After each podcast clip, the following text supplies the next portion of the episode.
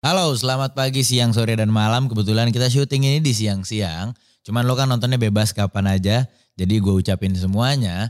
Yang pasti hari ini mantep nih.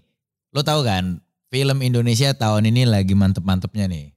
Lagi gokil-gokilnya eksplorasinya, perkembangannya, prestasinya, dan segala macamnya. Bahkan di tahun 2022, film Indonesia ditutup dengan salah satu film yang bombastis. Aduh jijik banget ya kata-katanya bombastis ya. Viral di medsos gitu ceritanya bahkan sempat menjadi film nomor satu di Netflix The Big Four langsung kita panggil nih dua castnya Bang Ari Kriting dan Kristo Eh. Hormat. sedap Terima kasih sudah diundang. Nih, terima kasih sudah datang juga dong Hormat, pastinya hormat, hormat, hormat. apa kabar nih pastinya nih dulu nih pertama Luar biasa ya, senang banget kita udah bisa datang sini diundang. Kabarnya juga baik. Bang Ari gimana Bang Ari? Baik, saya juga kabar baik. Eh, senang sekali bisa datang ke sini dan juga eh, mudah-mudahan kita bisa membahas sesuatu yang bisa menjadi inspirasi bagi banyak orang. eh inspirasi anak muda Woi, ini kenapa jadi podcast berharapnya. motivasi ya? iya Berharapnya ya. berharap Berharap. semoga Iya, padahal mungkin tidak ada juga nanti. kita kasih janji aja dulu di Iya, awal. iya, iya. biar manis aja dulu awalnya biar biar orang kayak kayaknya saya harus menonton ini sampai akhir. Kok sampai ada, kenapa saya menonton ini ya? Dua orang ini kok tidak berbobot sebenarnya ya.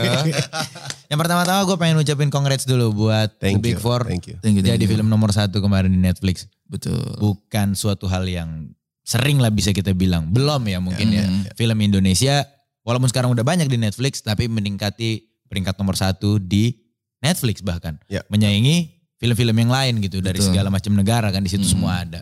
Itu kira-kira menurut kalian apa yang bikin film The Big Four naik tes ke nomor satu dalam waktu rilis dia kan naik ke nomor satu tuh nggak nggak jauh dari waktu rilis ya. Ya, lim- eh, about Tiga hari four ya. days, empat, ya Tiga- tiga hari, tiga, hari, hari empat. Empat hari langsung des. gitu. Hmm. Kira-kira menurut kalian sebagai castnya nih gitu. Hmm. Faktor apa tuh yang menyebabkan? Eh, Ari Kriting sih menurut gue ya. Menurut lu Dia- gitu ya? Iya gila, dia soalnya wah engagement dan Kacau. Hmm. namanya tuh sebesar itu bro. Jadi ada Ari Kriting di The Big Four. Langsung des, gitu. Duar, gitu. Ya. Kalian bayangkan aja lah orang-orang Argentina, Bolivia, Jepang kayak hari kritik ayo jangan. Orang Bolivia juga tidak tahu saya. Siapa tahu ya kan Iya. orang-orang pro- para gue sebenarnya fans Ari Kriting Iya. gue gak tahu aja. Selama ini mereka gak pernah nunjukin aja bang. Iya. Kalau orang Brazil mungkin iya kayak dia mirip Ronaldinho apakah dia keluar? Ronaldinho. Soalnya saya sering begitu tuh. Tapi kalau menurut saya sih The Big Four bisa sampai sejauh ini ya karena kalian di luar sana yang selalu mendukung kita berkarya. Itu jawaban-jawaban diplomatis. Jawaban diplomatis. Biasa, bro. fans gitu. Iya, Jadi kayak iya. fans ketika menontonnya kayak, wah aku dihargai, aku Iya. akan mendukung orang ini sampai mati. Padahal enggak juga bro, mereka hanya bermulut manis. Iya. Follow AdSense, beli merchandise.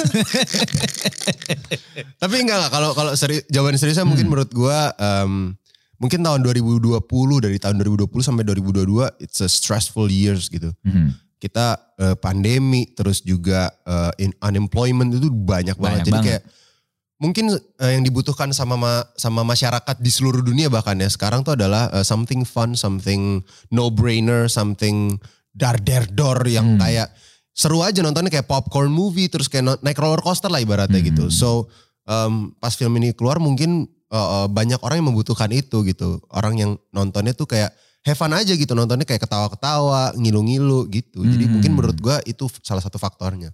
Sama kalau mungkin menurutku juga formula yang ditawarkan sih ya.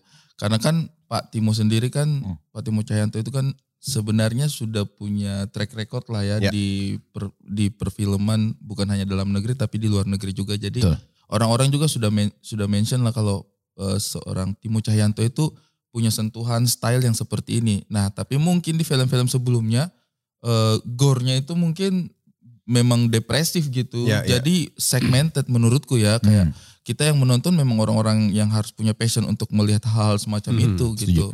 Tapi ketika dia kawinkan dengan komedi yang mana kita bisa bawa funnya itu Hmm. eh, menurutku itu kawin banget gitu eksekusinya eh, Ya. bagaimana pendekatannya Pak Timo. Jadi ketika itu tampil di layar perkawinan antara action ala Pak Timo dengan komedi yang kita coba bangun di sini itu benar-benar bisa dinikmati karena saya rasa sih orang-orang tuh mentionnya pada aneh gitu kayak mereka mau takut tapi kok lucu gitu. Jadi Iya, kayak iya, iya. Oke, aku kayaknya bisa menerima kepala orang terbelah karena aku setelah ini akan ketawa, Ketawa. gitu. Jadi Iya, kayak iya, kayak dua dua eh, dua apa namanya dua pasar besar ini orang-orang yang menikmati komedi dengan orang-orang yang menikmati action berdarah-darah ini nyatu di sini gitu. Hmm. Iya, iya, Kupikir sih itu juga yang mungkin eh, sense. eh, yang bikin The Big Four kok kayaknya disukai banget gitu. Bukan hanya Indonesia ya, tapi seluruh dunia karena itu mungkin. Komedi itu kan sebenarnya eh, universal ya. Setuju. Orang gampang memahami gitu.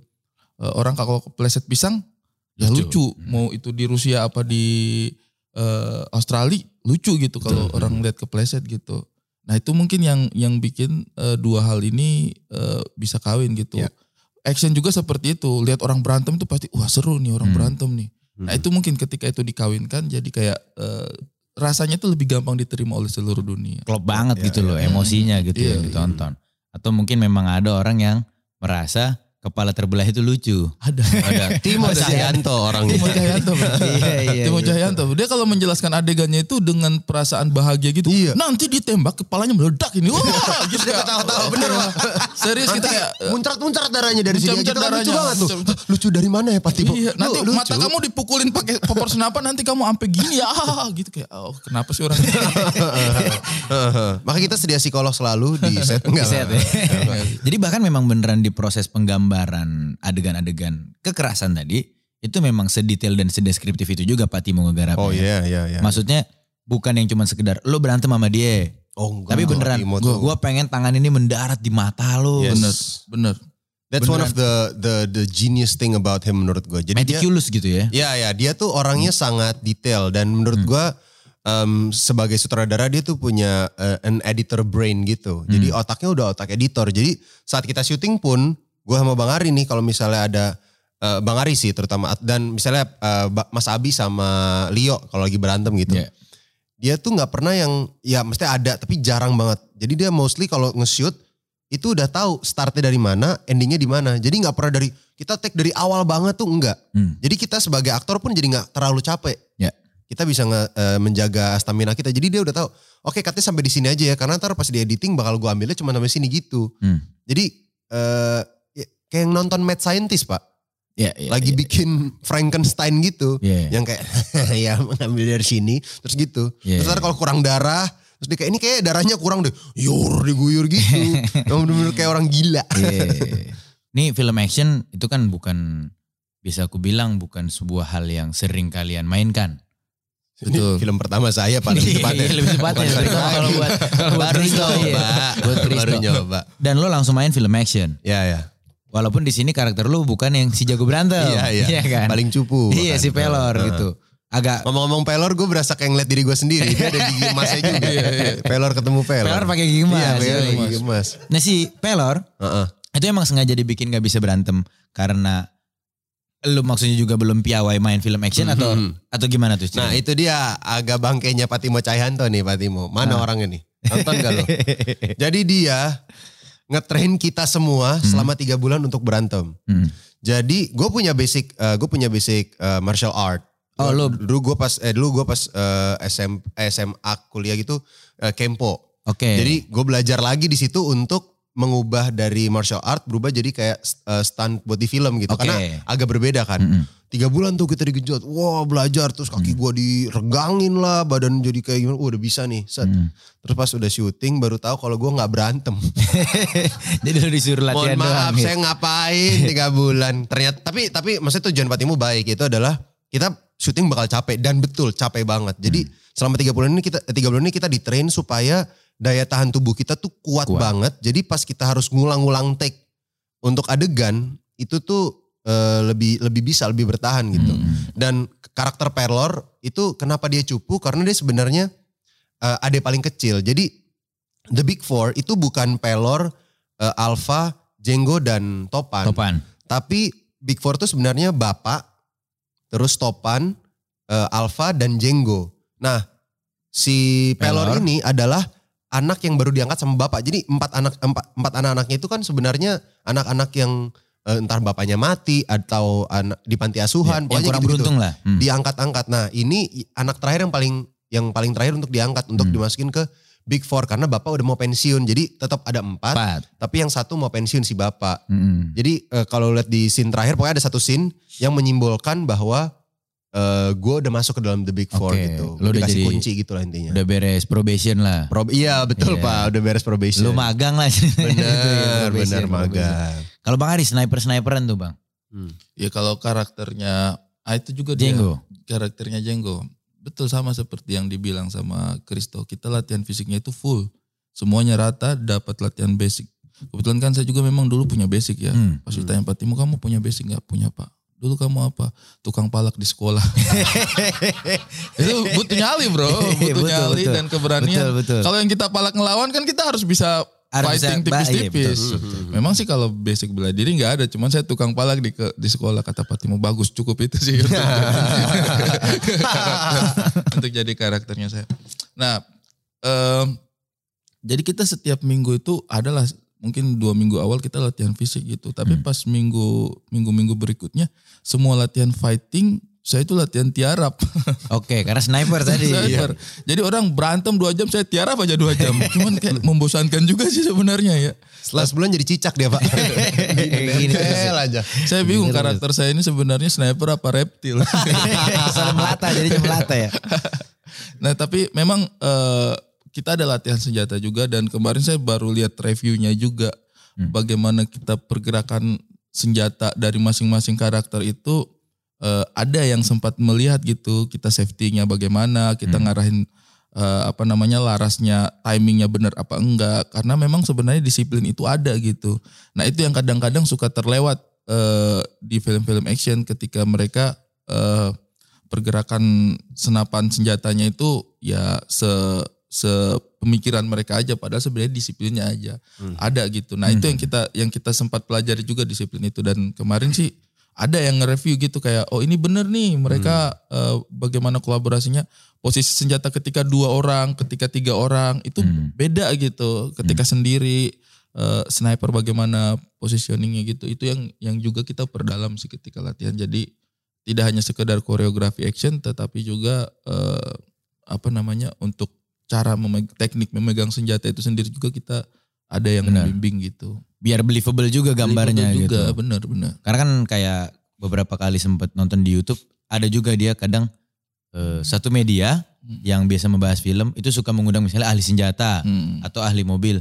Kayak misalnya ahli mobil disuruh menilai adegan di Too Fast Furious seberapa nyata ini, Hmm. seberapa believable. Karena kan semakin believable, experience kita menontonnya Iya. juga makin Iya. imersif gitu loh. Hmm, Kita iya. kayak berasa beneran masuk. Benar benar. Kalau Dan itu memudahkan aktornya juga. Ah. Ketika dia tahu apa yang dia lakukan ini benar eh, sesuai dengan teknik, itu juga mendorong mereka untuk ketika berakting itu merasa lebih real aja gitu. Hmm. Ya, Jadi, jadi yang orang bilang, wah aktingnya kelihatan natural banget. Mungkin salah satu hal yang mendorong kita menjadi natural adalah karena penguasaan kita terhadap hal-hal yang akan kita lakukan. Hmm. Kalau kita nggak paham cara melakukannya juga mungkin kita akan terlihat banget acting karena kita nggak tahu nih bagaimana bagaimana cara melakukan ini gitu. Bener. Berpura-puranya terlihat sangat berpura-pura gitu. bohong gitu, nggak Bohong, nggak iya, berasa, iya. gitu, Nggak meyakinkan iya, gitu nggak meyakinkan gitu. Tadi main film action Bang Ari, ini juga suatu hal yang dieksplor lagi sama Bang Ari. Buat lo yang baru main film langsung main film action. Sekarang nih kalau gua tanya, lo pengen main film jadi atau jadi apa atau di genre apa nih yang kayaknya jauh tapi pengen coba ngeksplor ke arah sana.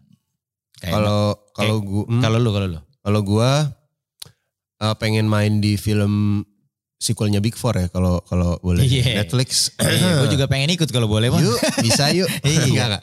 Ah, enggak, kalau misalnya karakter mungkin I would love to play a villain karena gue penasaran banget eh, rasanya menjadi villain itu seperti apa dan it's always fun to be the bad guy menurut gue ya. Oke.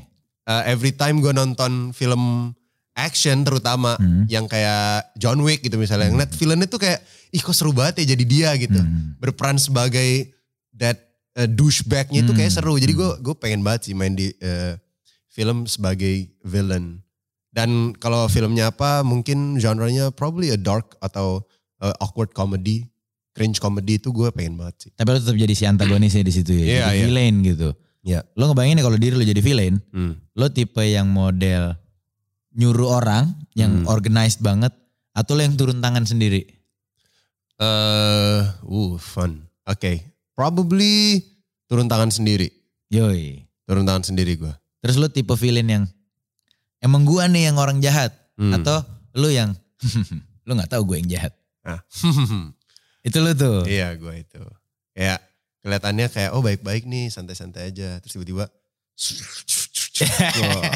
Wah, kulitku mana terkelupas. Ternyata. Ternyata nggak ada isinya gitu. Ya gitu lah Iya, kira-kira. iya, iya. Probably nggak tahu. Kalau Bang Ari Bang? Eh, setuju sih sama Krista sih sebenarnya jadi penjahat itu menyenangkan Hmm. karena secara formula penulisan juga untuk menciptakan protagonis atau hero yang kuat itu sebenarnya PR-nya bukan menciptakan karakter hero-nya tapi Antagonisnya. justru menciptakan karakter antagonisnya. Betul. Recruiting Betul. 2022. Keren. Ketika antagonisnya bagus, kuat, hero-nya itu dengan sendirinya orang akan merasa dia harus berjuang untuk mengalahkan orang sejahat ini. Benar. Ya, ya, ya. Dan memang PR-nya menciptakan karakter antagonis. Cuman kalau saya sih sebenarnya bukan karakter angkat antagonis. Saya tuh penasaran pengen jadi setan. Jadi setan. Iya, film main film horor tapi setannya saya. Oh. Itu kayak tantangan banget coy. kayak Iya, iya. orang selama ini nonton saya ketawa-ketawa lucu happy, saya pengen kalian takut.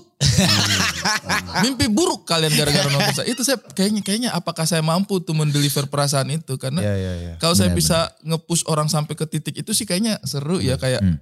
orang yang tadinya nonton Ari Keriting lucu lucu lucu lucu ketawa kayak nonton gak sih film terbarunya? Tapi ntar takutnya kalau ngeliat setannya jadi ketawa bang.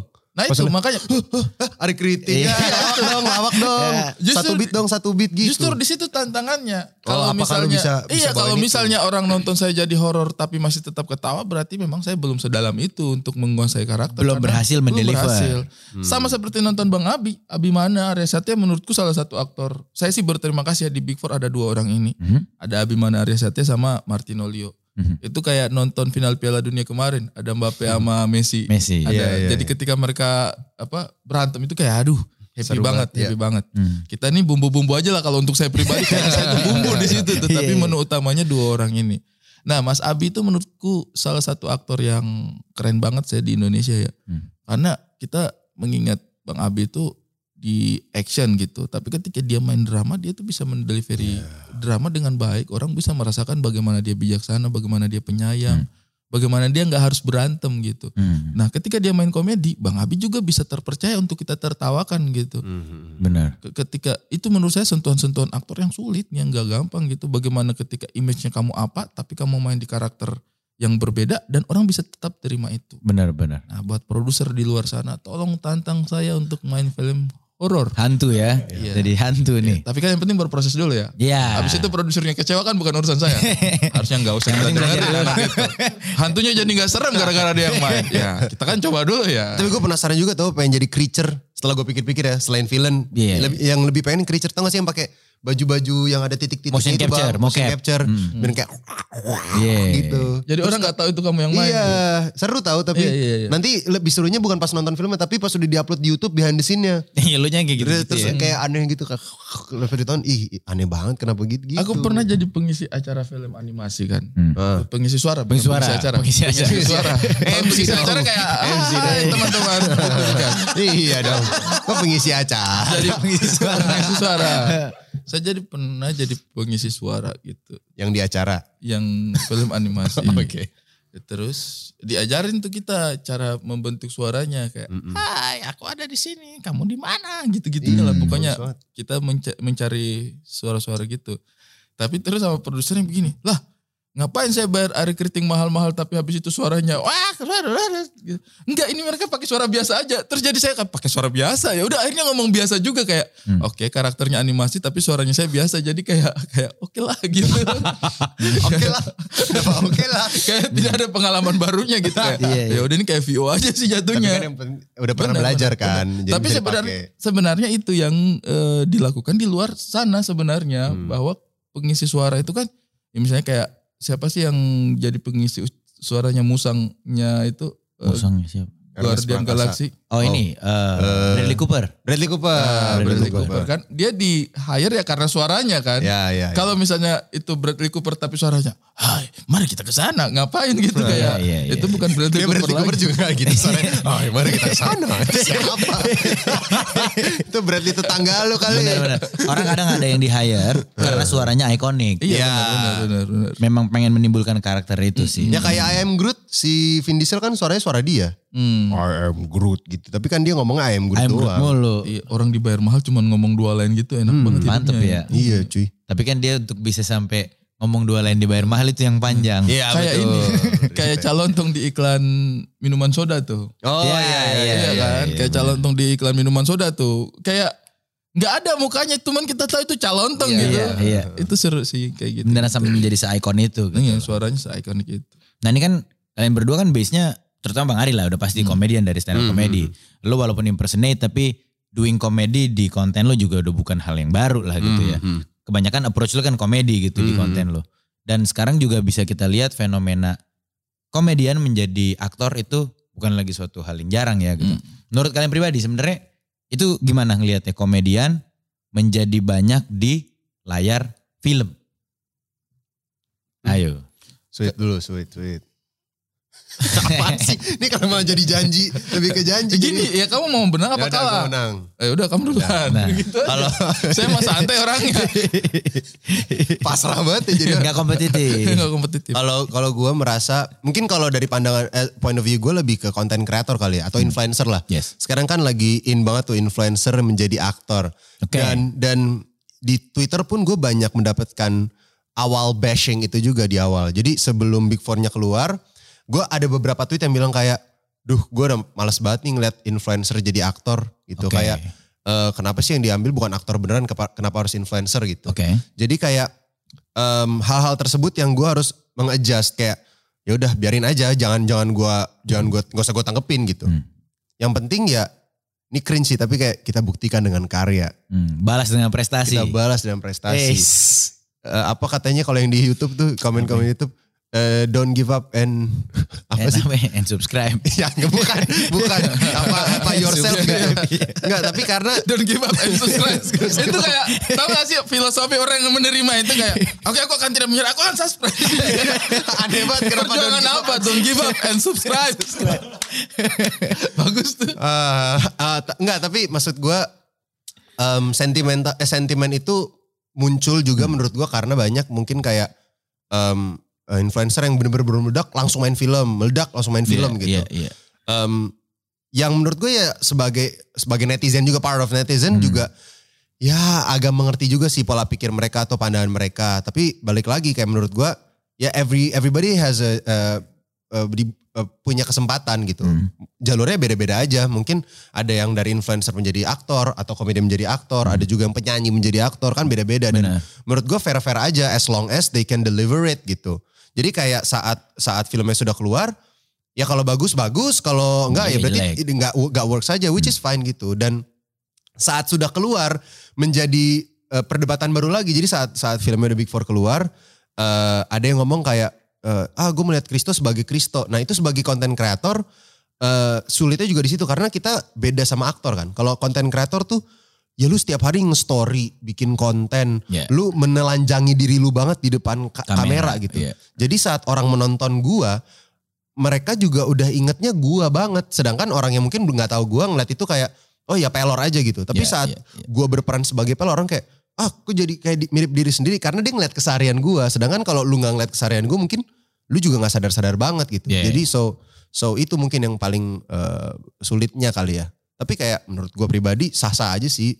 Konten kreator, influencer, penyanyi, komedian, apa pun Menjadi itu menjadi aktor. aktor gitu. Dan sebaliknya juga ya, aktor mau jadi komedian, Iya, mau iya, jadi exactly, exactly. penyanyi gitu. Selama mereka deliver ya deliver gitu. Banyak aktor sekarang jadi konten kreator kan. Banyak banget. Banyak bro. Banyak banget. Jadi youtuber. Jadi YouTube banyak banget benar. Jadi penyanyi juga bukan suatu hal yang baru juga betul, kan betul, gitu. betul. Ya balik lagi orang suka nggak suka kan selera. Betul.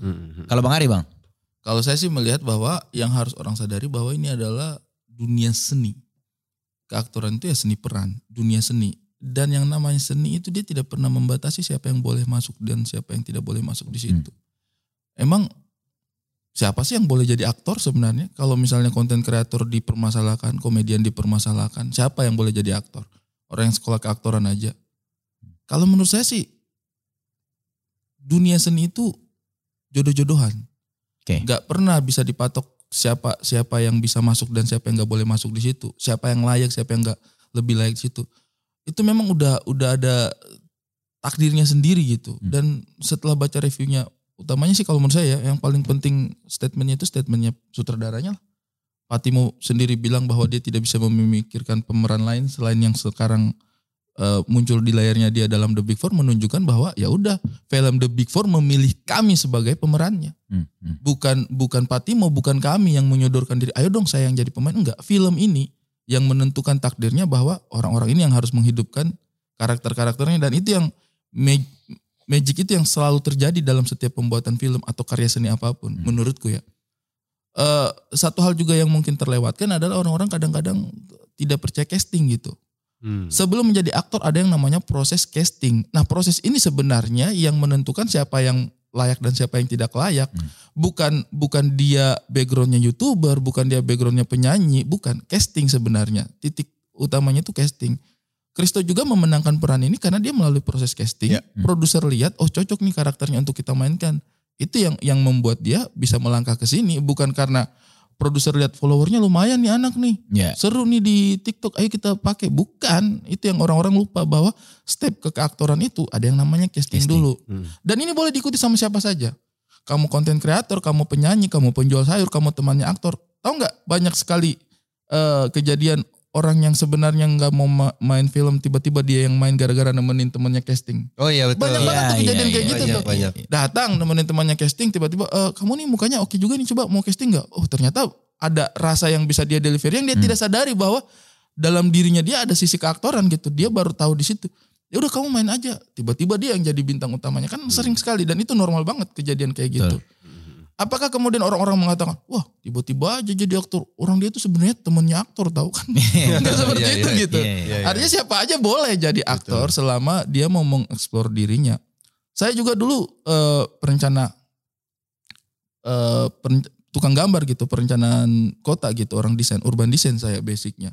Cuman saya pengen stand up terus kenapa?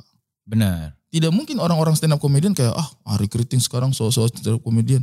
Dia itu sebenarnya planner tuh. Kan nggak nggak kayak gitu ya Iya iya. Hmm. eh, eh, sistem itu tidak seperti itu. Sistem dalam kehidupan ini tidak seperti itu. Tidak sekaku itu bahwa Benar. bahwa ada yang membatasi orang-orang penyanyi harus orang-orang yang Sekolah musik. sekolah musik, kursus nyanyi misalnya gitu. Enggak juga orang yang doyan nyanyi aja kalau suaranya bagus kenapa enggak bukan dia yang jadi penyanyi dan saya selalu percaya bahwa panggung memilih orang-orangnya.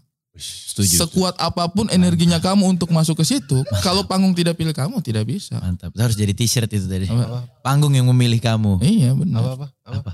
Amin. Amin saudara Iya, amin, saudara-saudara. Gila gila. Tapi benar itu ya panggung Iya, yang memilih. panggung yang memilih kita. Betul betul. betul. Nah tadi ngomongin casting, cerita dong proses castingnya tuh gimana tuh awalnya? Siapa dulu nih? Bebas, bebas. Lu lah, lu lah, lu dulu toh. Tadi kan Bang Ari barusan selesai.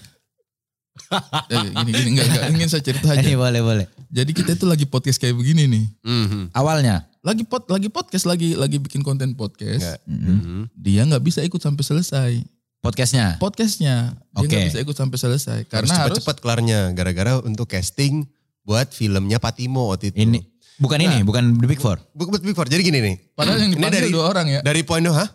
Yang dipanggil Kan dua orang. Kamu sama saya kan? Oh iya betul betul. Tapi yang pergi casting saya doang. Hmm. Ya ada satu orang yang namanya sudah besar banget lah. Gak usah disebut siapa namanya. Pokoknya depannya A, belakangnya recruiting. gitu. Saya itu sudah casting, cuma Oh. online. Oh, Oke. lima tahun yang lalu ya. Udah pernah diupload terus ditonton lagi videonya. Jadi saya gak, saya ledekin dia kayak, oh masih casting lu tuh. Sombong banget ya. Sombong banget. sama Anak baru, anak baru. Sombong banget. Tapi itu prosesnya juga absurd pak. Oke. gue casting buat Big Four. Jadi gue waktu itu lagi eh, bantu produksinya Ko Ernest buat filmnya dia. Terus CTS. eh, bukan, waktu itu Teka Teki Tika. Oke, udah iya, iya, banget. iya, iya, iya. Terus gue tiba-tiba di DM Timo Cahyanto. Mm-mm. Gue juga baru ngeh kalau dia ternyata follow gue. Gue follow dia emang udah lama. Cuman gue gak tahu kalau di follow back gitu kan. Mm-mm. Terus tiba-tiba dia DM gini. Tok, eh Patim halo gitu. Terus dia, audisi dong. Apaan biskuat? Iya, audisi apaan nih? Iya, iya. Apa? Audisi apaan? Gak jelas banget. Audisi apaan anjir Indonesian Idol lu. Iya, iya. Gak, gak, gak lengkap gitu. Hah apaan sih gue Audisi apa gitu. Gue kayak aneh banget random. Terus dia dia tuh emang gak suka chat. Jadi dia fan tiba-tiba. eh, Ya dude gue lagi uh, I'm making this movie man. So uh, we're making this movie dan uh, kita production uh, as soon as possible ya. Jadi kayak uh, if you if you're down to it man, like uh, go for it dude. Like uh, audition for it gitu. Terus gue kayak Oh yes, J- Patimo gue ya mau dong. Iya, Terus iya. di otak gue, oh saya belum pernah main film sebelumnya. ini role pertama nih. Oh supporting nih jadi siapa gitu gue nggak tahu kan. Datanglah casting ke ruang casting kan. Hmm. Terus datang terus bilang ya ceritanya tentang The Big Four. Oke, ini ada empat assassin. Nah kamu jadi salah satunya. Main dong. Bingung dong gue. Hmm. Maksudnya ini saya jadi salah satu dari main karakter. Iya. Oh, Fresh oh terus langsung. otak gue kayak deng deng dong deng dong deng. mati, mati, Saya mati, ngapain ke sini? Iya, iya, Sudah iya. pasti ditolak gitu kan. Nah terus udah nih dikasih skrip ya. Terus udah dikasih skripnya. Itu bukan sama Timo, sama casting director ya. Oh ya Kristo gitu. eh pakai aksen timur bisa. Deng dong deng dong deng dong. Semakin ditolak. Terus gue, oh bisa gitu. Iya. Amin. ah, maksudnya gue emang ada keturunan Ambon. Cuman Iya. gue sehari-hari nggak ngomong pakai bahasa Ambon Benar. kan. Ya lo di Yaudah. Jakarta juga. Iya casting kan. Casting bla bla bla bla. Terus dia lihat ya. "Eh, coba sekali lagi eh, kamu pakai di improv aja. Ada kasih improv. Hmm. Wah si paling improv banget nih gue. paling jago banget nih gue. Improv lah gue. Iya, iya. Set set set improv. Terus dia ngomong gini. Coba dia ngomong gini. Ah iya iya lucu tuh tadi saya ketawa. "Hah, Lu kalau ketawa justru ketawa bukan ngasih tahu kalau lu ketawa. Dia bilang ya lucu. Dia gak ketawa nih sepanjang kamu. itu Gue gue casting gue nggak berasa dia ketawa gue nggak tahu. Terus dia bilang Dia kayak, ah ya lucu tadi tuh saya ketawa. Ya lu ketawa dong bukan ngasih tahu kalau ketawa. Aneh banget. Dia nge-Q ya. Iya terus habis itu udah tuh. Dia baik aja itu. Iya dia kayak sopan aja gue kayak. Atau nggak enak. Ah, semakin saya tidak yakin nih bro udah udah fix lah. Uh, gue down banget tuh pas Hmm. Down pulang, eh gue pulang down banget udah sedih gue kayak ngomong manajer gue udah gak dapet lain gak apa-apa gue bilang. Katu beberapa, berapa bulan kemudian tiba-tiba gue nggak di, nggak dipanggil nggak apa nih gue nggak tahu gue dapat apa Hmm. nggak kan. Gue mikir udah nggak dapet karena nggak di calling sama sekali sek- sekitar tiga bulanan lah. Dan lo menilai performance lo waktu casting juga waktu iya itu waktu yang itu kayak, kurang gitu menurut Iya, gue iya, kayaknya. tiba-tiba Pak Timo ngupload foto gue jadi gue tahu gue dapat peran itu dari Instagram. Hmm. Jadi gue tahu dapat peran itu bareng sama kalian. Saya tidak eksklusif. gue tahunya bareng sama Lo orang bukan yang lain. dikabarin duluan ya? Anjrit, anjrit. Iya. Enggak. Terus gue nanya manajer gue kan, eh ini gue dapat perannya kok aneh banget. Hah gak ada kabar, gak di, belum dikabarin tuh. Di, aneh banget sih. Iya, Terus iya. baru habis itu ternyata baru mereka diskusi. Hmm. Jadi jadi gue da, dapet duluan, tahunya juga sama orang-orang lain, Hmm. diskusinya juga belakang. Jadi aneh banget itu proses itu. Dan pas dapet ya gue seneng banget, cuman kayak ah, apa sih aneh banget hidup gitu. Benar-benar. Tapi ya terlepas anehnya intinya lo memainkan itu. Iya, emang it's fun, seneng banget gue berterima kasih banyak sama Pak Timo. Yes, yes, gitu, yes. sangat-sangat seneng. Bang Ari proses castingnya gimana bang? Kalau casting kan sebenarnya macam-macam ya. Ada memang yang proses casting kayak begitu. Dia pas pas mau pergi casting itu kita lagi take podcast kayak begini saya lihat mukanya tuh kayak yang antusias sekali yang kayak pengen banget kayak mupeng banget kayak aduh pengen banget nih. Terus dia casting saya ledek-ledeknya Kristo mau ke mana casting? Masih casting? Zaman sekarang casting? Ya ampun pengen banget ya gitu. Kalau saya sih castingnya eh, beda juga sih. Maksudnya casting kan memang ada beberapa model. Kalau saya itu castingnya eh, Pak Timo sama tim produksi. Awalnya tuh Bang Abi udah ngasih tahu tuh. Bang Abi mana? Kayak Ri mau ada film ini kita garap sama Pak Timo. Mudah-mudahan kamu kayaknya main deh soalnya Pak Timo sebat, se- se- sempat sebut namanya kamu gitu. Yes.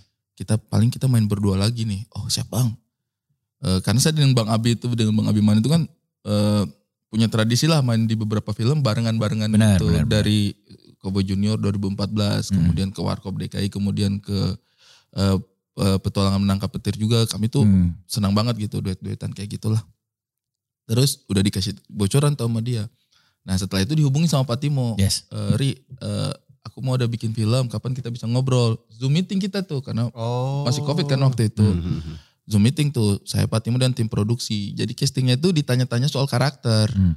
kalau kita bikin karakter begini kamu bagaimana bagaimana kita bisa memperkaya karakter itu bagaimana definisi kita terhadap karakter itu Hmm. dia cerita tuh background story-nya Eh, ini ada eh, empat orang pembunuh mereka eh, dibesarkan dari kecil kira-kira bagaimana nih karakternya kalian beda-beda aman gak kamu kenapa bisa beda jadi yang ditanya itu adalah definisi kita terhadap karakter itu Mm-mm.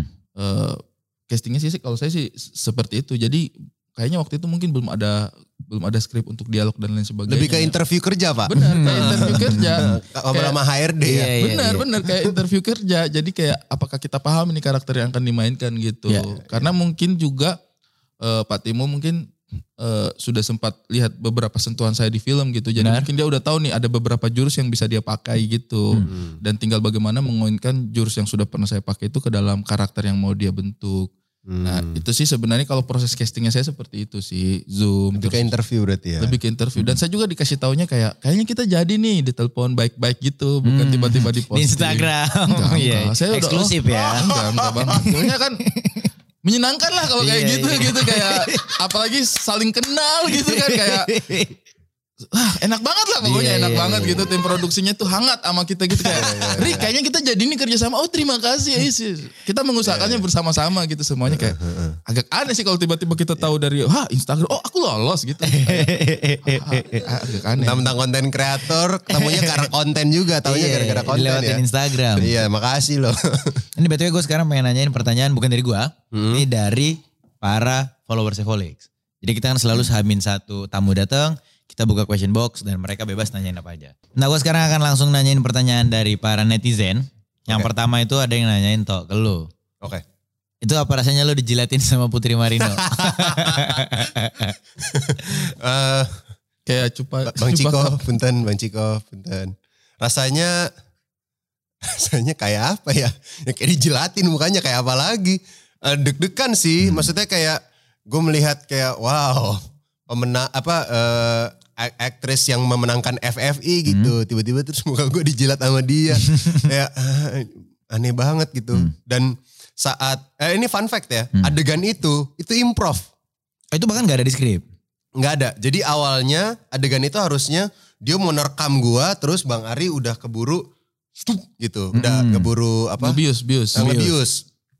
Nah, tapi saat di set eh, Pak Timo merasa belum pick nih kayak em, si dia butuh closingan yang Iya, kuat butuh closingan yang bener-bener dia kayak horor. Makanya itu kayak kayaknya gue melihatnya kayak pay homage itu sebelum iblis menjemput juga ya adegannya tuh agak-agak horor gitu kan. Jadi pas tiba-tiba itu udah mau take, Fatima udah samperin gue, "Eh, Kristo, ya, em, dude, lu masalah gak kalau misalnya eh, Putri Marino apa ngejilat muka lu? Hah? ya, jadi gue ngerasa eh, sini nanti ntar muka lu dijilat gitu sama Putri Marino. Do you mind it? Enggak Putri Marino masalah nggak ngejilat muka gua, bukan bukan gua Iya, yang gua mah dijilat ikhlas-ikhlas muka. aja ya. Gua mah silakan. Lu mau kokop gue bebas gitu. Iya, iya, iya, iya. Nih, dijilat yang masalah kan lidah dia. Iya, iya, iya. Kalau dia keracunan makanan habis itu kan bah- Iya, bahaya yang ribet. salah nanti. Iya, tapi untungnya em, aman. Terus yang bikin awkward tuh gara-gara habis take ternyata nggak bisa one take. Jadi gue kira kan one take kelar nih. Hmm. ternyata butuh take berikutnya. Muka gue udah udah bau bau lidah muka Iya, gue kan. iya, iya, bau jigong, bau jigong, bau lidah iya. gitu. Enggak, jigong putri warna wangi kok aman. itu itu klarifikasi Eh, tadi ya, klarifikasi ya. kepada rakyat Indonesia. Eh, terus dijilat terus abis itu take berikutnya adalah dibutuhkan karena apa? Karena jadi adegan itu lightingnya tuh cuma keluar dari celah celah kayu. Oke. Nah lu bayangin gimana caranya Putri Marino mencari celah kayu sambil menjilat muka saya. Iya. Susah banget. Jadi kayak nyari-nyari. Oke. Jadi tuh kalau lihat BTS ya mungkin ya nggak tahu ada atau enggak. Jadi dia gini nih. Segini Pak Timo. Kananan dikit. Oh segini.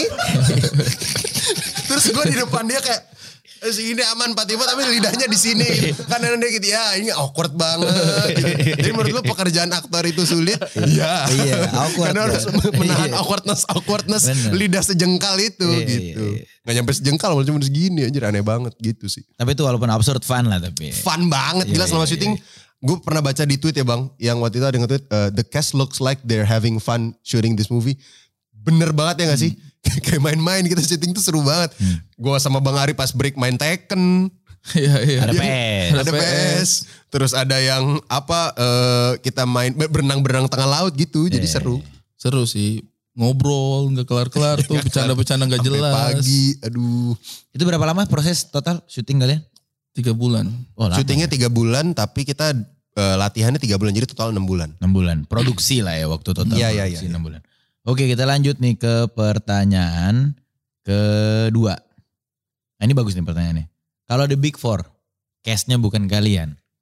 Kira-kira siapa yang cocok jadi karakternya menurut kalian? uh Bagus nih pertanyaannya dulu. Orang ini tidak suka kita mengerjakan dapat rezeki.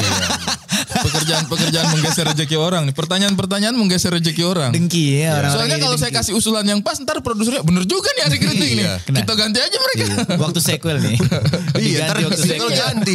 Kayak, kayaknya masuk akal hari kritik. Iya, iya. Eh, Kayaknya kalau pelor tuh yang impersonator suara Pak Jokowi aja tuh. Paling- Mana? Ada dia bisa niruin suara Pak Jokowi. Kristo Kristo juga. Biar gak diganti. Oh, lu maksudnya Biar gak diganti bang. Kalau menurut saya sih yang jadi pelor sih banyak banget optionnya ya. Eh bentar dulu nih. Bentar dulu. Bentar dulu. Kok gitu? Sialan ini orang. Pengen gue diganti emang nih kayaknya. Eh setelah lihat karakternya sih sulit sih ya kalau untuk Ya, bingung, Pak. untuk Bingung, bingung, ya, bingung sih ya. Mungkin bisa diganti secara eh, looks mungkin pendekatan karakter tapi rasanya pasti akan beda-beda. Beda, benar, benar. Kalau kayak saya sih yang bikin saya happy sih, yang bikin saya happy ya. Sekarang juga seniman-seniman yang punya background kental Indonesia Timur banyak gitu. Mm-mm. Abdur, Arsad misalnya, Muhammad Al-Katiri, terus eh, ada banyak lah beberapa nama gitu, Reynold, eh, Epi juga, Hmm. Epi eh, eh, Epi Pai itu mendalami keaktoran juga cukup dalam. Jadi sebenarnya secara karakter visual sih mungkin untuk karakternya saya sih mungkin ada beberapa opsi lah yang bisa dipakai gitu. Dan Untuk itu- visual. Untuk visual dan juga mungkin background karakter Indonesia Timurnya juga kental. Jadi Hmm. kurasa sih mungkin eh, bisa-bisa aja misalnya kalau misalnya eh, ternyata dibutuhkan eh, dan itu menurut saya sih hal yang baik ya ketika ketika misalnya industri kita karena saya sempat punya pertanyaan itu sama Ko Ernest juga sempat nanya gitu kayak karakter-karakter Indonesia Timur itu yang bisa masuk siapa aja sebenarnya opsinya belum sebanyak itu ketika mungkin 5 atau 10 tahun yang lalu tapi sekarang sih Sudah lebih cukup banyak. gitu ya mungkin juga kayak kalau di action sih ada seperti Bang Godfred itu udah mendalami banget untuk karakter Indonesia Timur juga kan. Jadi kalau saya pribadi sih justru ketika nggak ada opsi itu menjadi pertanyaan kayak eh, teman-teman saya di mana nih kok saya yang berkarya sendiri. Tapi Hmm. sebenarnya sih kalau untuk saya pribadi sih melihat kalau untuk karakter Indonesia Timur sih mungkin ada beberapa pilihan lain. Hmm. Cuman sih saya menyarankan janganlah Pak saya Iya, butuh iya. juga. saya aja iya. saya iya. aja lah Pak saya masih mau kerja yang baik kok ini Iya, tenang. Balik lagi nih jawaban aman ya. Iya, iya, iya. Biar kita gak diganti. Kalau lu, pelor, kalau lu melihat pelor, karakter pelor, seandainya, seandainya banget, ini beneran hipotetikal banget lah ini. Kalau kau sebut namanya Nikola Saputra saya siram kau betul. Ya, kayaknya saya bisa diganti sama Nikola Saputra. Enggak, enggak, enggak bro. Karaktermu Eh, kalau gue melihatnya kayak di industri ini udah lumayan banyak juga ya konten kreator gitu. Jadi Hmm. untuk melihat opsi-opsi itu eh, bisa banget ada juga gitu. Betul. Keanu kayaknya lebih lucu. Atau Fadil Jaidi. Buat jadi pelor ya. Iya buat jadi pelor. Iya iya iya iya. Bisa bisa bisa. Atau siapa lagi ya? Eh Serem gak sih kalau mau menyebut itu jangan diaminkan nanti. Mm-mm. atau ya Kristo Immanuel aja boleh sih. Ya, udah pas lah ya, Udah pas, udah udah pas. pas. Memang udah udah balik lagi. Iya iya. Kayak Bang iya. Ari bilang, Iya, iya. panggung yang memilih. Memilih, Pak. Betul. Udah terpilih. Iya, amin. Iya. Ini yang pertanyaannya orang dengki nih. Iya, bukan dengki juga sebenarnya menakuti kita. jangan menggeser rezeki orang ya. Terus itu ada pertanyaan nih, gimana rasanya abang-abang nih, kalian berdua, jadi pedoman kelucuan dari para cast yang lain? Menurut kalian yang paling lucu di set itu kalian berdua atau bukan? Sebenarnya sih kalau lucu sama-sama aja. Patimo juga lucu Patimo orang lucu. itu. Masing-masing masing-masing itu punya selera humornya masing-masing Ya, gitu. Mas Abi, Mas Abi juga lucu. Leo juga lucu. Putri kocak tuh. Putri lebih kereceh ya. Hmm. Jadi lu mau ngelawak apa pun pasti Putri Marino ketawa. Hmm. Jadi gue kadang berharap ih coba aja kalau misalnya gue jadi stand up comedian eh, penontonnya kayak Putri Marino semua ger terus tuh. Gampang, Iya. gampang. Enak ya, Lucu, ger terus lucu, iya, iya, Ketawa iya. terus bro. Nah kalau itu sih sebenarnya mungkin enggak. Tapi secara teknik, secara teknik mungkin eh, bu- bukan menjadi rujukan sih sebenarnya. Tapi sharing, teman sharing aja. Kayak yang apa itu sih menyenangkan karena ini film kita uliknya sama-sama Ya. kita nguliknya sama-sama ada beberapa part di mana kita merasa kayak ini masih bisa diisi nggak sih nah itu kita nguliknya sama-sama jadi Patimo eh, Kristo saya Bang Abi teman-teman yang lain kita Lute eh, yang main juga kita duduk sama-sama nah itu ada kayak satu momen kita lagi makan sarapan Ya, ya, lagi sarapan sarapan. mau syuting itu ternyata hari itu yang akan disyuting itu Nah, yang tag-nya Take-nya ant- apa Putri sama duel, duel Lutesa. ejek-ejekannya Putri sama Lutesa. Oke. ejek-ejekan yang Putri sama Lutesa. Terus mereka itu kayak sudah nyoba tapi kok kayaknya ada yang ada yang Ganjel, kurang gitu ganjel, kayak Pak. ganjel kayak Ah. emang kalau kita saling ngata-ngatain kayak begini eh feel-nya ke arah mana gitu apakah memang kita saling benci satu sama lain atau komedi nah ternyata sebenarnya yang diincar sama Pak Timo di situ tuh komedi sebenarnya dia pengen ngata-ngatain ini unsur komedinya lebih kuat gitu Mhm. akhirnya saya sama Kristo sama Bang Abi sama Putri sama Ute sama Pak Timo nyari tuh Ya ngobrol kita. apa nih kira-kira bagaimana caranya nih kita kita bisa bikin itu akhirnya kita bikinlah itu Mhm. ngata-ngatainnya itu Iya. konteksnya hal-hal yang Yang eh, memang eh, erat dengan karakter mereka erat dengan masing-masing. karakter mereka akhirnya jadilah itu dua parade dua kata lucu Iya, tuh kata-kata anak-anak.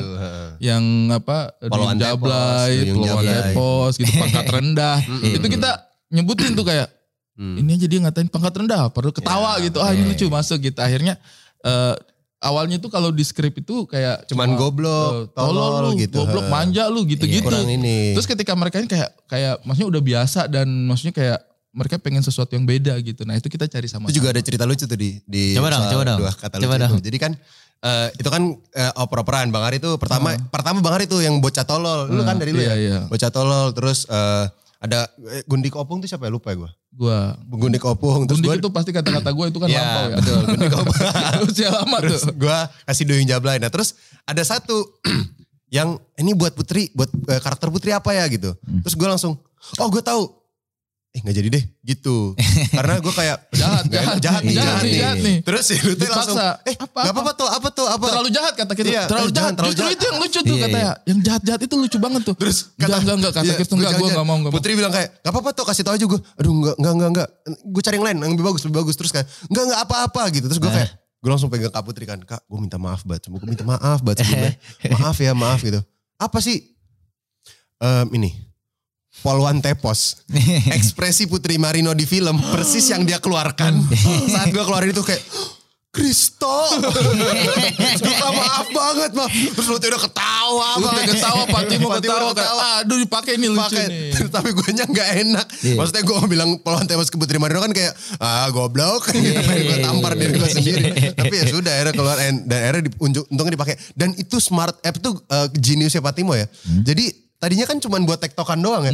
Terus dijadiin treatment sama dia Pak. Maksudnya secara kamera kan di, digerakinnya ke arah gitu Iya, iya, gitu. iya. Maksudnya kayak gila. Di- nih dibimbing orang. penontonnya Iya gitu. dibimbing penontonnya gitu. Gokil juga tuh orang. Beneran dia juga bisa langsung eh, implementasiin Mhm. jokes yang tadinya cuma lempar-lemparan Bener. sampai ke treatment visual. Iya gitu ya. gokil gokil.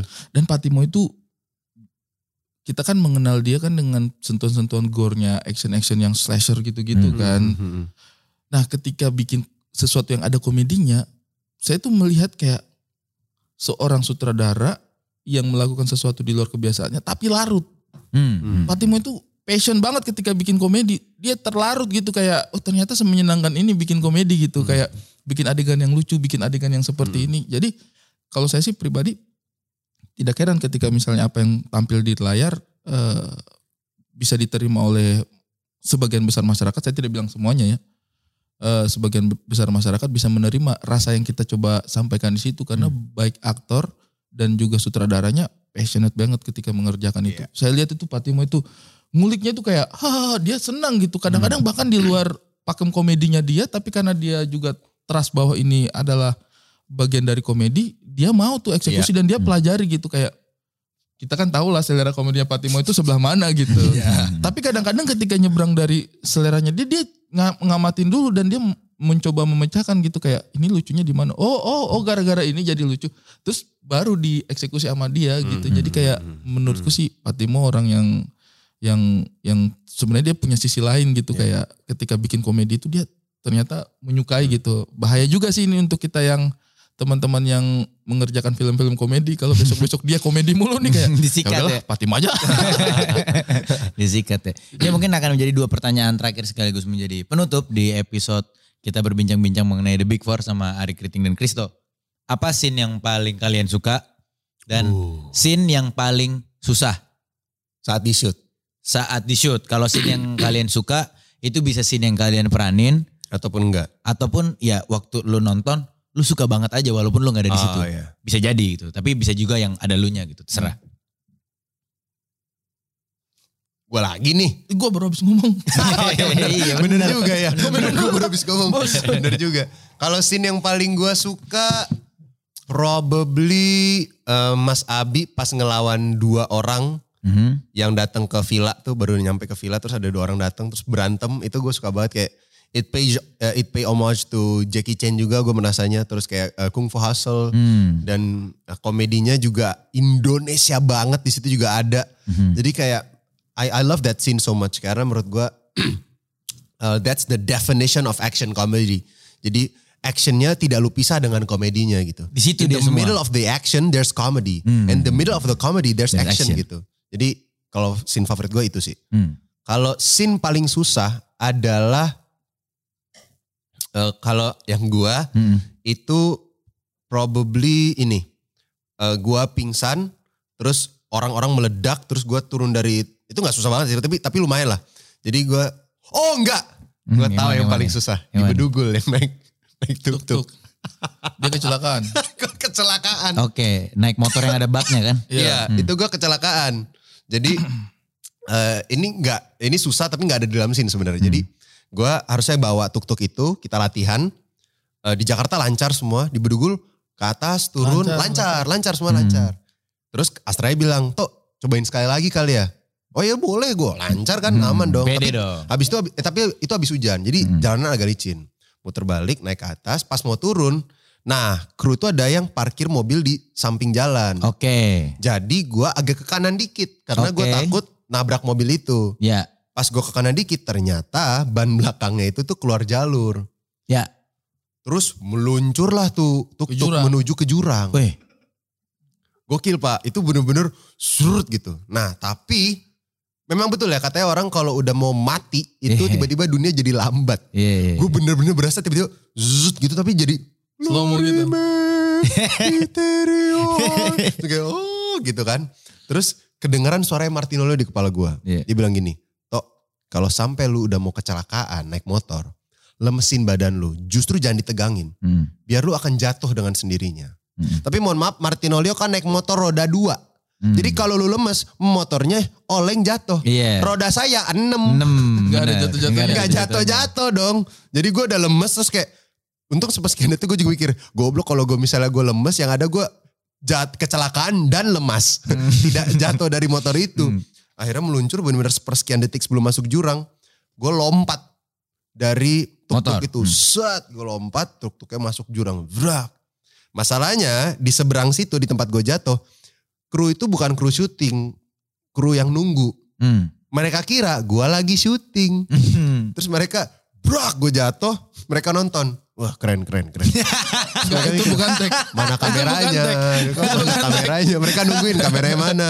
Kok nggak dikat? Iya. Tiba-tiba dari atas Astra teriak, Kristo!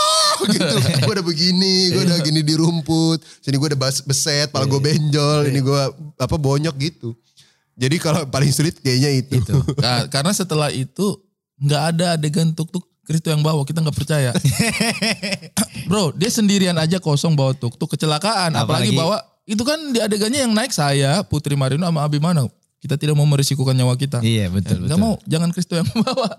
Dia sepanjang film murung aja kayak aduh. Nggak apa-apa bang, aku udah bisa kok. Enggak. kita udah trust issue sama kamu. Kalau Bang Ari, Apa tadi adegan yang paling menarik? scene terfavorit? Kalau scene terfavorit sih mungkin eh, perubahan ekspresinya Abimana dan perubahan ekspresinya dinamika Abimana dengan Martinolio di Hmm. adegan ending justru. Hmm. Itu tuh menurutku lucu, Iya, iya. tapi kalau disimak detailnya sulit loh. Hmm.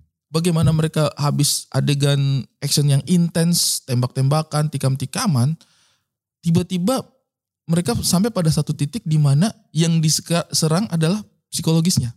Hmm. Ini nih si Martinolio udah tough banget loh itu. Tikam-tikaman tembak-tembakan berantem dia di, dihadapin gitu Mas Abimananya. Tapi tiba-tiba yang mereka harus mainkan adalah bagaimana nih menyerang psikologis. Hmm. Lu kalau misalnya bikin adegan action kan udah ada takarannya tuh. Betul. Nah bagaimana nih mereka perang psikologis? Itu tuh menurutku adalah sebuah adegan yang tidak mudah. Karena tangannya kamu tetap di tempat, mulutnya kamu eh, apa namanya actionnya kamu tetap di tempat, tapi bagaimana cara rasanya kamu yang menyerang. Hmm. Dan tektokan sama Martinolio-nya juga, bagaimana rasanya Martinolio merasa bahwa itu adalah gangguan. Ya, Bang Abi simple gitu ngomong Suranto. Hmm. Tapi Martinolio harus mengekspresikan bagaimana dia terganggu dengan dengan sebutan itu kayak gemes banget. Ah itu tuh menurut saya itu acting yang sulit. Hmm. Tidak semudah itu tuh. Orang kalau pukul-pukulan seru mungkin udah banyak Benar, eh, benar, lit- benar. eh, literaturnya gitu. Tapi kalau misalnya menyerang psikologis, film apa yang melakukan itu gitu? Hmm. Ada sih film yang yang seperti itu, tapi juga kurang berhasil. Apa adegannya Batman sama ibunya itu yang Oh yang eh, Martha. itu. Martha, Martha, Martha. iya, Kan iya. menurut- menurutku nggak sekuat Enggak, enggak. apa Coba yang- Batman bilangnya Suranto ya. Suranto. Iya. Kalau Batman apa? Suranto. That's my mother. Ah, that's mother Suranto. Suranto, my mother is Suranto. Kayak lebih works ya.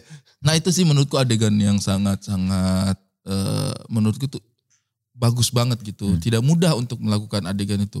Menyerang psikologis lawan. Itu tuh eh, apa namanya duet duetnya mereka Bang Abi sama Leo di adegan sih keren banget sih menurutku ya itu sulit pasti. Hmm. Kalau scene tersulit, Yang saya jalani ah. scene tersulit yang saya jalani sih eh hmm, scene tersulit yang saya jalani. Scene saya itu sebenarnya fun-fun semuanya sih. Hmm? Scene saya itu mungkin fun-fun semua Iya sebenarnya. sama kita berdua nih bukan yang berat-berat Oh gitu. itu yang saya rasa agak sulit justru scene pembuka yang waktu yang saya Oh, Pakai jas putih, cakra. Iya. Iya. nah karena Patimo di situ mintanya saya itu yang cool, charming, terus kayak jangan langsung kelihatan sisi komedinya gitu. Oke. Nah kalau teman-teman perhatikan detailnya saya di situ, saya tuh bener-bener berusaha mengurangi sisi komedinya saya sehingga orang tidak merasa adegan tuh konyol. Mm-mm. Serius. Hmm. Nah menurut saya sih eh, beberapa review merasa bahwa entrance-nya saya di adegan itu cukup cukup cukup berkesan gitu, Hmm. beda gitu. Nah di situ saya berusaha menekan konyolnya saya karena Tuhan memberikan berkah konyol yang sangat banyak gitu. itu permintaan yang berat loh Pak Timo bilang saya jangan harus kelihatan apa namanya keren. cool Meninggalkan sisi gitu. konyol tadi. Iya saya harus meninggalkan sisi konyol yang kayaknya berjubel banget di gitu aja Dia, tuh kayak masalahnya dia diem aja kadang lucu gitu Iya, dia bengong iya. diem gitu kayak enggak belum belum belum Nah, itu, ngomong. itu sih tantangan terberatnya saya kalau syuting itu tolonglah produser eh, eh, director minta adegan-adegan lucu saya bisa. Tapi kalau adegan saya jadi orang yang cool keren gitu kayaknya tuh agak energinya harus besar gitu Iya. oh. Kalau pas yang adegan suanggi itu susah nggak yang nendang. Yang nendang. Itu enggak? Nggak terlalu juga sih. Oh enggak. Nggak terlalu. Oh Ada di adegan itu. yang susah itu yang justru teriak Siska. Yang pas dikasih tuh Siska! Bro itu susah banget. coy. Susah banget. Soalnya saya tuh harus teriak sambil ngikuti pergerakan kamera yang narik itu. Ah, ah. kelihatan di situ mungkin karena pengaruh lensa ya kelihatan kayak dimensinya cuma segitu doang Ya. kan karena pengaruh lensa tapi sebenarnya track kameranya itu panjang. Hmm. track kameranya itu panjang untuk mundur dan dapat komposisi gambarnya yang yang seperti itu tuh panjang jadi saya tuh harus teriak Siska ngikutin track kamera itu lama banget cuy. Dan tracknya panjang kan? Tag-nya iya. nggak cuma sekali lagi. tag-nya ya. nggak cuma sekali. Tag ada kali tag ke-8 apa ke-9 saya udah udah gini. Itu di, di stop sama Pak, Pak Timo di stop karena saya teriaknya Siska ah, Pak kayaknya udah habis habis coy habis itu tuh yang salah satu adegan tersulit tuh Kasihan. tapi seru sih film itu sih Seru banget, Seru, seru, seru, banget. seru, We had seru, so seru. much fun, man. Seru-seru. Tiga Yang pasti seru tuh. thank you so much dong buat Bang Ari udah datang hormat hari hormat ini. hormat hormat Berbagi Bebas. cerita, berbagi ketawa Amin, juga amin. buat Kristo. Thanks, Bas. Thank you, Jangan lupa buat lo semua yang nonton, kalau belum nonton langsung sikat The Big Four ada di Netflix pastinya. Yes, The Amin. Big Four di Netflix sekarang juga. Right now ya, Right now dong. Jadi Habis beresin ini nonton, video. pang langsung. langsung cek cek Netflix. Kalau udah nonton nonton lagi aja. Bener Hei, Iya, nonton lagi, Bro. biar terus lama tuh di peringkat atas. Iya betul. terus bisa ajak teman-temannya ya. film-film begini enak dipakai nobar Yoi. Iya. berlima berenam Benar, Iya, benar, iya, benar. iya, iya. Kumpul di rumah siapa? Betul, Nah, kalau gitu kita pamit undur diri. Wabillahi taufik walhidayah. Wassalamualaikum warahmatullahi wabarakatuh. Bye bye.